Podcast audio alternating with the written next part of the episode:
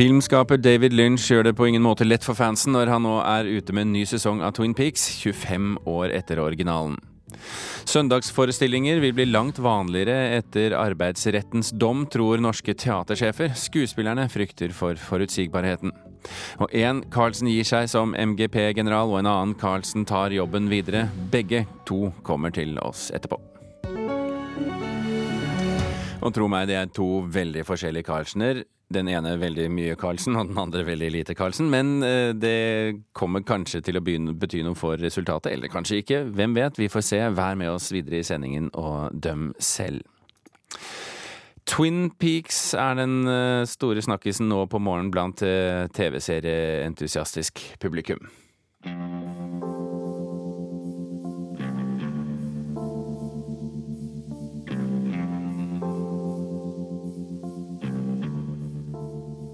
Dette er lyden fra 25 år tilbake i tid. I natt slapp HBO de nye episodene fra den legendariske David Lynch-serien fra 90-tallet.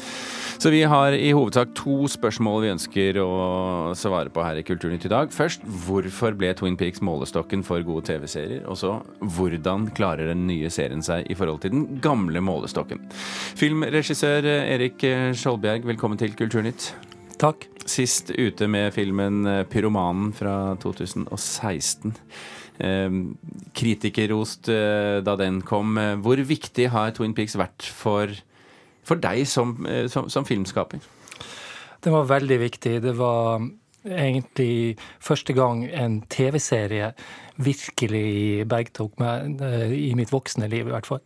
Mm. Og um, den blanda på et vis et sånt personlig uttrykk med populærkultur. Du var altså filmstudent på den tiden, var du ikke det, da du så den? Jo. Um, og så uh, har du laget flere filmer. Den siste var jo uh, 'Pyromanen', som, som, også har mye sånn usagt og litt skummelt ved seg. Jeg har, jeg har, tror du at det er noe igjen av Twin Peaks i deg som regissør fremdeles? Ja, det tror jeg egentlig, men det reflekterer jeg stort sett bare over når jeg blir spurt. Og når du ringte og spurte, så tenkte jeg at uh, i veldig stor grad er 'Insomnia', den første filmen min, uh, inspirert av uh, Twin Peaks. og mm. Twin Peaks har jo den her 'Fire Walk With Me', som for så vidt passer veldig godt for min siste film, 'Pyroman'. Mm, ja, det gjør den jo for så vidt. Um, hvor viktig syns du Twin Peaks har vært for um, det, det kvalitetsmediet TV-serier har blitt etter hvert? Det som var spesielt i 1990, når, når, den først kom, det var jo det at den mest eh, berømte og mest populære filmregissøren akkurat da valgte å gjøre en TV-serie. Eh, og det kjente i hvert fall ikke jeg til tidligere, så, så, det var veldig inspirerende. Og det tror jeg det var for veldig mange at eh, vi tenkte at veien mellom film og TV ikke var så stor. Har, har du sett Twin Peaks eh, nå opp igjen på nytt? Nei, eh, jeg har en veldig sterk fornemmelse av atmosfæren som ble skapt i den første. Ja. Og den sitter i meg, men jeg har aldri gått tilbake og prøvd å se den. Hvordan tror du at eh, det ville være for deg nå å se Twin Peaks om igjen, hvis du prøver å tenke, tenke hvordan det ville være? Noen ganger så er jeg jo litt redd for å gjøre det, for jeg er redd for at det skal ødelegge det, det sterke inntrykket jeg en gang hadde. Så eh, det, nei, det tør jeg ikke si noe om. Vi har jo med oss også Sigurd Vik, eh, vår filmregissør Nei, unnskyld. Filmkritiker Sigurd Vik. Ikke regissør ennå, i hvert fall. Um, når begynte du å se den nye serien i natt? Eh, den eh, kom vel sånn kvart over fire, tror jeg, i natt. Så da hadde jeg sittet en eh, time og venta. Halv fem var det kanskje. Halvannen time hadde jeg sittet og venta og drukket kaffe. da. Okay, jeg, no... sånn, jeg gjetta på tre, men da gjetta jeg feil. Ja, ok. Noe av det da Sigurd Vik har fått med seg i løpet av natta mens vi andre har sovet, det er dette. Hello, Beulah. How you? Beulah. Ray and Daria. Have you got them back there somewhere? I'll get them. And Beulah. Put something better at your front door. Ja, dette er altså en langhåret Dale Cooper. Kanskje besatt, kanskje ikke. Hva sier du, Sigurd Vik? Eh, hva syns du om nye, eh, de nye episodene? Jeg har egentlig kosa meg på starten av morgenskvisten her med de tre første episodene av det nye Twin Peaks. Twin Peaks The Return, som de kaller det. Eller sesong tre, som jeg vil eh, kalle det allikevel. Det er veldig David Lynch, det her, da. Det er ikke en serie som er opptatt sånn veldig av å hylle seg sjøl og liksom dra oss tilbake i nostalgien og dvele ved liksom det som gjorde at man fikk det her nostalgi, eh, med altså godvibben av Twin Peaks. da. Men er, den er innom alt det her, og så går den videre og dypere inn i universet og tar med seg veldig mye av det David Lynch har gjort siden Twin Peaks. Altså Han har jo utvikla en veldig særegen stil som filmskaper også etter 1990, sjøl om han var veldig god også før det, med blant annet filmer som Lost Highway og Mulholland Drive, og til en viss grad Inland Empire, eh, så han tar med seg litt av det her. Altså, det smaker veldig, veldig David Lynch av eh, starten. På hvilken måte konkret, Sigurd, ser du det?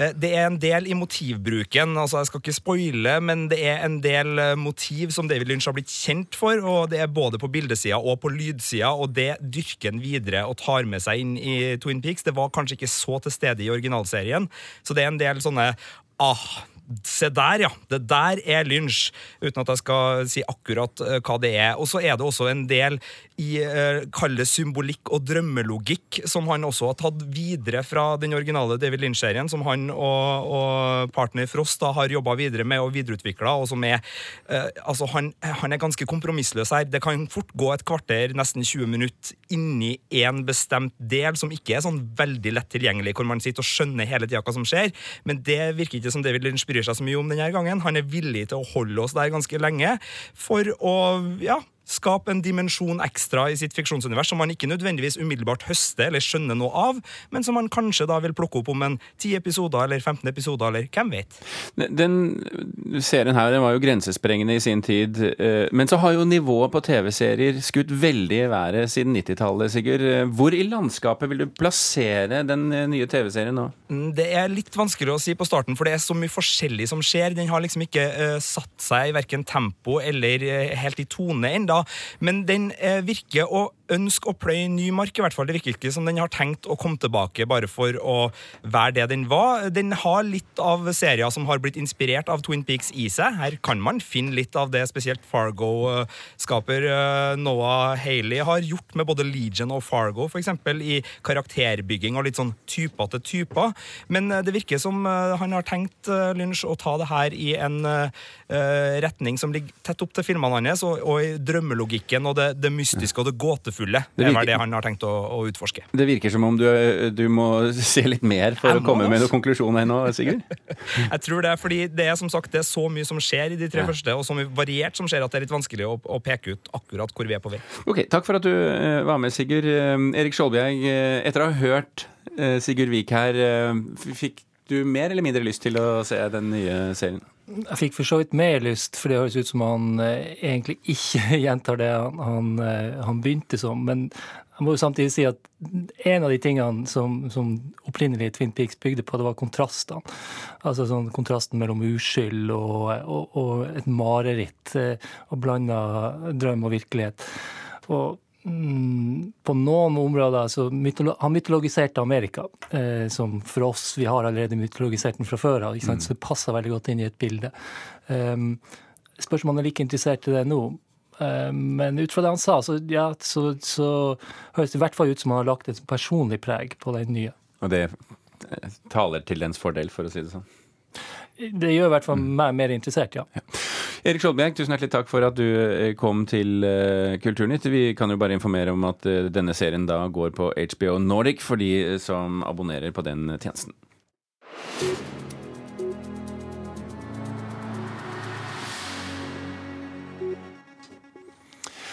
Husker du da statsminister Erna Solberg postet bilde av napalmjenta fra Vietnamkrigen på Facebook, i protest mot Facebooks egne regler om hva som er lov til å publisere?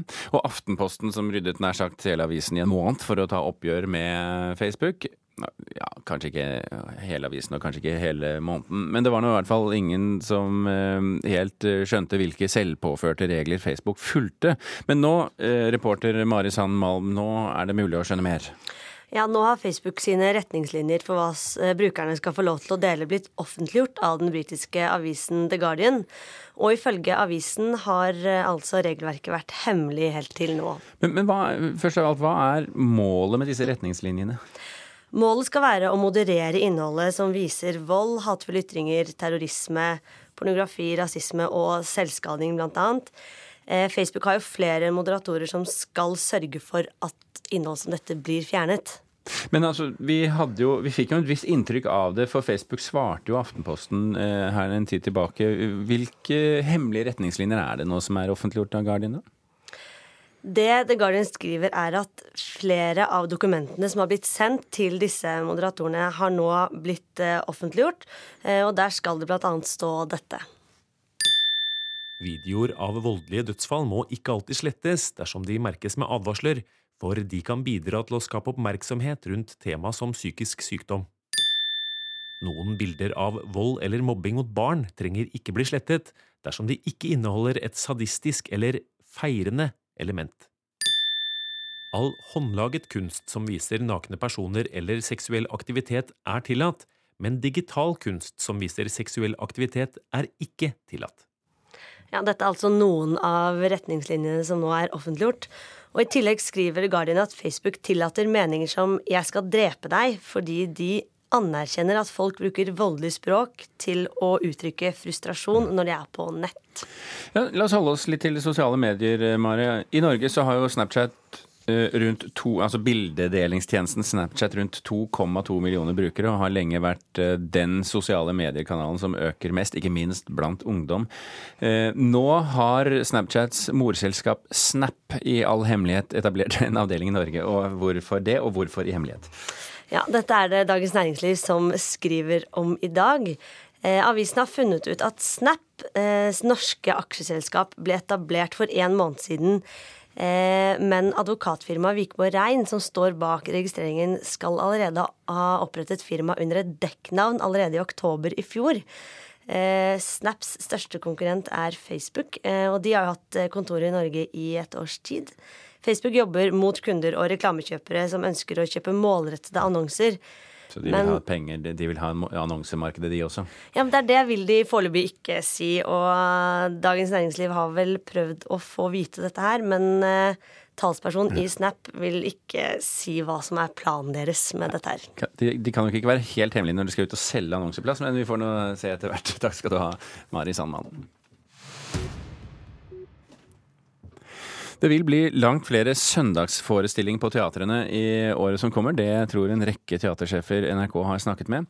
Forrige uke så åpnet en dom i arbeidsretten for at det kan spilles langt oftere på søndager enn det gjøres i dag. Skuespillerforbundet frykter eh, at det vil føre til mindre forutsigbarhet for dem som står på scenen, men publikum de ser frem til å kunne avslutte uka i teatersalen. I dag skal jeg se den der Jeg husker ikke hva den het, for jeg er buden med. Hva heter den?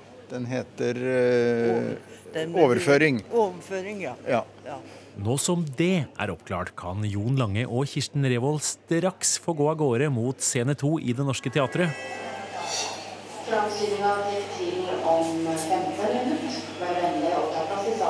Men før de forlater få igjen, må vi bare få stille dem ett kjapt spørsmål. I dag er det hverdag, men hvis de kunne, ville de likt å se dette stykket på en søndag? Ja, det er jo praktisk for oss tilskuere. Jo, fordi at det er eh, behagelig at det slutter på noenlunde fin tid på ettermiddagen. Og så kan man jo gjøre hva man vil på kvelden. Nå kan de fort komme til å få det som de ønsker. Forrige uke åpnet nemlig en dom i arbeidsretten for at teatre rundt om i Norge kan spille betraktelig oftere på søndager enn det som har vært vanlig fram til nå. Vi er veldig glad for den åpningen eh, som kom nå med denne dommen, og vil absolutt vurdere det i framtida sier teatersjef Amalie Nilsen ved Kilden i Kristiansand. Det vi har snakket om er at det kan være fint å spille familieforestillinger på søndager i adventstida. Deretter vil også vanlige søndager kunne bli aktuelt. Vi er opptatt av å spille eh, når publikum er der. Eh, og det er klart at eh, søndager kan være en god dag for folk å gå på teater. Hva skal vi finne på i dag, kjære? Å, I dag så skal vi gifte oss! Dumme, deilige mann. Bryllup! NRK har snakket med sjefene ved de ti best besøkte teaterne i Norge. Selv om ingen av dem har planene så klare som ved Kilden, er så godt som alle tydelige på én ting. Det vil bli flere søndagsforestillinger på norske teatre i årene som kommer. Det vil bli søndagsspilling eh, på alle de teatrene som ikke har gjort det til nå. Dommen i arbeidsretten sier ikke noe om hvor mange søndager man maksimalt kan spille. Men riksteatersjef Tom Remlov tror de største teaterne etter hvert vil kunne spille hver søndag. Dette kan til og med bli teaterdag nummer én, tror han. Det er mulig. Da jeg var teatersjef på Den nasjonale scenen i Bergen, så hadde jeg utsikt fra mitt sjefskontor bort til kinoen. Ehm, så så jeg bort på kinoen, og det var som en maurtue hver eneste søndag. Det er ingen grunn til å ikke få den maur, maurflokken over til teatret. Ja, Vi har jo fått bekymringsmeldinger om dette fra våre medlemmer i hele landet. Leder Knut Alfsen i Skuespillerforbundet ser at søndagsspilling kan ha noe for seg, så lenge regelverket rundt det er godt nok. Men han og medlemmene hans er bekymret for at et uforutsigbart yrke nå skal bli enda mer uforutsigbart. Så du lager et mer tuklete familieliv for folk? Ja, Det er en bekymring som jeg tenker at vi skal ta på alvor. For det å være skuespiller skal man kunne kombinere med å ha et liv. Men det er klart at her må vi som eh, sitter og planlegger være ute i god tid og legge gode og forutsigbare rammer. Sier Amalie Nilsen ved Kilden. På vei inn for å se Hva var det nå det het igjen? Kjære publikum, velkommen i Det Norske Teatret, og velkommen til overføring på scene 2. Ja, overføring, ja. Ser publikummer Kirsten Revold at det kan være fint for skuespillerne å slippe å jobbe på ukas siste dag? Ja, men de får kanskje en annen fridag til, til gode, vil jeg håpe. Så det er ikke så synd på dem? Nei, kan jo ikke si det, da. Reporter her, det var Gjermund Jappé. Klokken er eh, passert 19 minutter over åtte. Du hører på Kulturnytt, og dette er toppsaken i Nyhetsmorgen nå. Fastlegeordningen er ikke helt frisk, ifølge Legeforeningen. Nå er det også blitt vanskelig å skaffe nok leger i sentrale strøk. FNs helseorganisasjon WHO blir beskyldt for å bruke mer penger på luksusreiser og dyre hotell enn på tiltak mot aids, malaria og tuberkulose. Og antallet mennesker som må legge på flukt i eget land er doblet siden år 2000, og det ser bare ut til å bli flere, ifølge en rapport fra Flyktninghjelpen. Nå, før helgen kom nyheten om at eh, Jan Fredrik Karlsen går av som såkalt MGP-general og sender musikkansvaret videre til Stig Karlsen, som nå, til nå har vært prosjektleder for TV-sendingen her i NRK. Begge heter altså Karlsen, men utover det er de to svært ulike. Det bekrefter årets eh, ESK-deltaker Joakim Steen, eller Yost som han kalles når han står på scenen.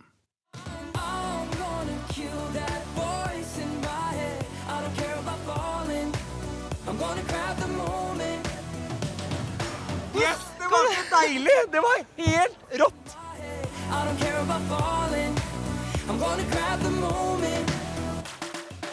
Hvordan vil du beskrive Jan Fredrik Karlsen? Eh, han er jo veldig energisk eh, og veldig fin fyr å ha med seg på sånn som Eurovision. Litt, eh, litt, eh, litt kjedeligere av kamera enn på kamera.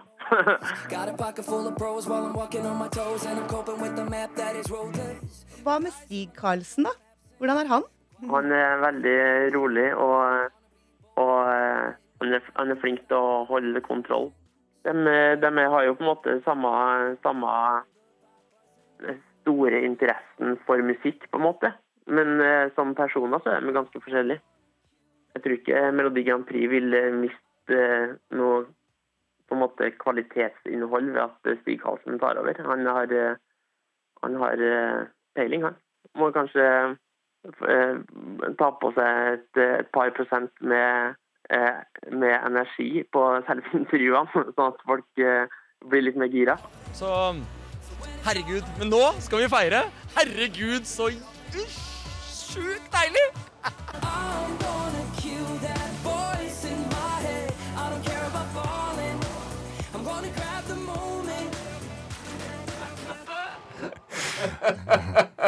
Ja, Gjett nå, God morgen. Gjett nå, kjære publikummer, hvilken Carlsen det er dere hører. Eh, La oss bare ta avsløringen med en gang. Det er Jan Fredrik Carlsen. Velkommen til Kulturnytt, Jan Fredrik. Tusen takk. Veldig hyggelig å få komme hit. Den kvelden ble jeg flau over meg sjøl, sa du. Det der var fra intervjuet på Kveldsnytt den torsdagen hvor vi da gikk videre fra semifinalen til den store finalen. Og den lettelsen og den gleden Altså, når jeg sto i det intervjuet, jeg var så glad at jeg følte at vi hadde vunnet hele Eurovision. Vi- Jeg følte vi hadde vunnet hele verden. Og det ga jeg veldig sterkt uttrykk for. Og jeg merka når jeg sto og prata, så ble jeg flau over meg sjæl. Men jeg klarte ikke å holde igjen, så jeg bare ga enda mer gass. Herregud. Stig Karlsen, velkommen til deg også. Hei, du. Hvordan blir eh, du under sånne type seiersintervjuer? Nei, altså Jeg er jo roligere. Det, er, jeg, altså, det fins jo bare én Jan Fredrik Karlsen, og det er helt fantastisk eh, hvordan han leverer hver gang. Hver, altså Det er så god stemning, da, alltid. Eh, men samtidig så er det jo godt at det bare er én Jan Fredrik Karlsen. Hadde det vært to av han, så hadde det blitt eh, rett og slett for mye, men Det tror jeg herregud, til og med. Jan Fredrik Karlsen er enig i. det, det er jeg helt enig i, altså. Men når det er sagt, vil dette bety noe for MGP i fremtiden, Stig? Altså, Vi er jo forskjellige. Eh, samtidig så deler vi veldig mye. Eh, vi er jo veldig veldig glad i popmusikk. Veldig glad i eh, både musikk som er kommersielt lett tilgjengelig, samtidig som det har en, en dybde og en, større mening. Så eh, det er klart at jeg har mine tanker om veien videre og har noen ambisjoner. Eh, og vi vil jo aldri, eller alltid, bare liksom eh, løfte lista enda høyere i forhold til kvalitet på ting vi leverer. Så For det, for det er jo litt det, Jan Fredrik, eh, tross alt mulig å legge lista høyere enn det, de resultatene du har fått. Altså, det å ha denne jobben har kun én ambisjon, og det er å vinne hele Eurovision Song Contest. Det har det vært fra dag én. Det var det når Stig og meg har jobba sammen. Og det er det også i fremtiden. Det er å vinne Eurovision. Og alt annet eh, Altså, det er det man må ha som formål. Jeg må bare legge til at i vårt eh, hva skal jeg si, givende samarbeid de siste to årene, så er det jo Stig Karlsen, altså den rolige, sindige, dyktige, flinke, som på en måte har kontroll på hele produksjonen, som også sånn sett har hatt kontroll på meg. Det er jo Stig som sitter og tar imot alle låtene. Det er Stig som er på en måte bærebjelken i hele Melodi Grand Prix-sirkuset. Og så har vi sammen jobba med låter, sparra med låter, diskutert, kommet opp med gode forslag, som har vært et utrolig givende samarbeid. Men den, si, den måten Stig styrer hele Melodi Grand Prix-sirkuset på, det syns ikke så godt fordi at han er den rolige, dyktige fyren. Og så vet han nøyaktig når han skal gå inn og ta et ansvar og vise folk at han tar et ansvar. Og han gjør det på en måte som han gjør at han får alle folk med seg, selv upopulære beslutninger. Er, er du en god leder, så klarer du å gjøre upopulære beslutninger, og folk føler at det også er riktig, og det er med deg. Det er kvaliteten til Stig. Det har han gjort med meg, og det gjør han med hele produksjonen. Og det er derfor jeg tenker at når han skal ta over dette, så er det ingen bedre fyr som kan drive det. Han har det til fingerspissen.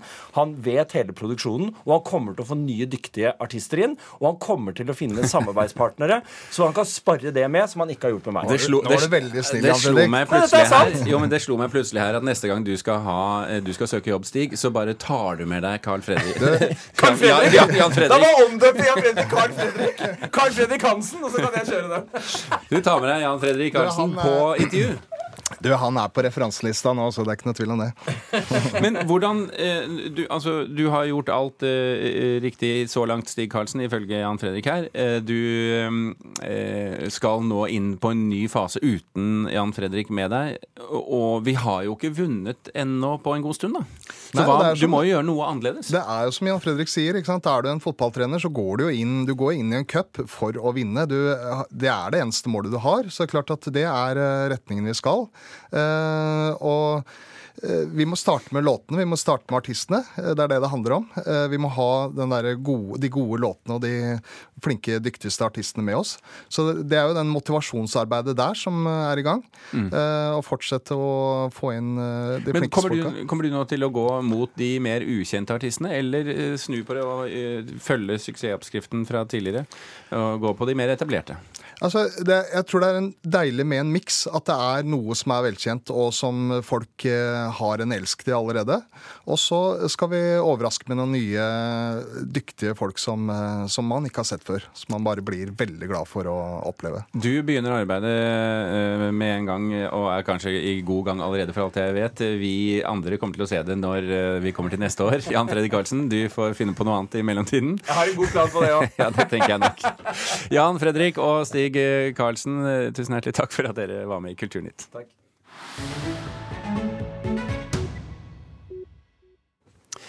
I dag eh, åpner utstillingen The Art of Fiction av og med Tyrkias mest kjente forfatter Oran Pamuk, og den åpner i Oslo.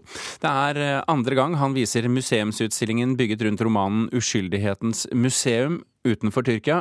Nytt denne gangen er at han også har skrevet manus til en ny film som også spinner videre rundt romanfigurene hans, og korrespondent Sissel Wold besøkte museet i Istanbul før helgen. På den smale brostensbelagte veien til Uskyldighetens museum passerer jeg en mann som selger skrap og gamle ting fra en trekjerre han trekker. Du går gjennom gater av Istanbul-nostalgi før du finner dette litt bortgjemte museet i et lite fireetasjers rødt trehus i bydelen Chukuchuma. Actually, this is the second time we are uh, sending our boxes exhibited. Museumsdirektør Onor Karaolo er spent før avreise til Oslo, for dette er den andre, men største utstillingen museet arrangerer utenlands. Uh, last year, uh, in January, we had an exhibition in London. This time it's to be much bigger. Uskyldighetens museum er fylt av eiendeler, klær og minner som alle tilhører romanfigurene i Orhan Pamuks roman med samme navn som museet. Den verdenskjente forfatteren har fått nobelprisen i litteratur, men det var kunstner han egentlig ville bli. Nå er Pamuk fullt travelt med å skape kunst parallelt med og om romanene sine. In order to make this museum, I, uh, I visited many, many, many museums, not only that, but biennales. I am now uh, deeply in contemporary artwork, which I like.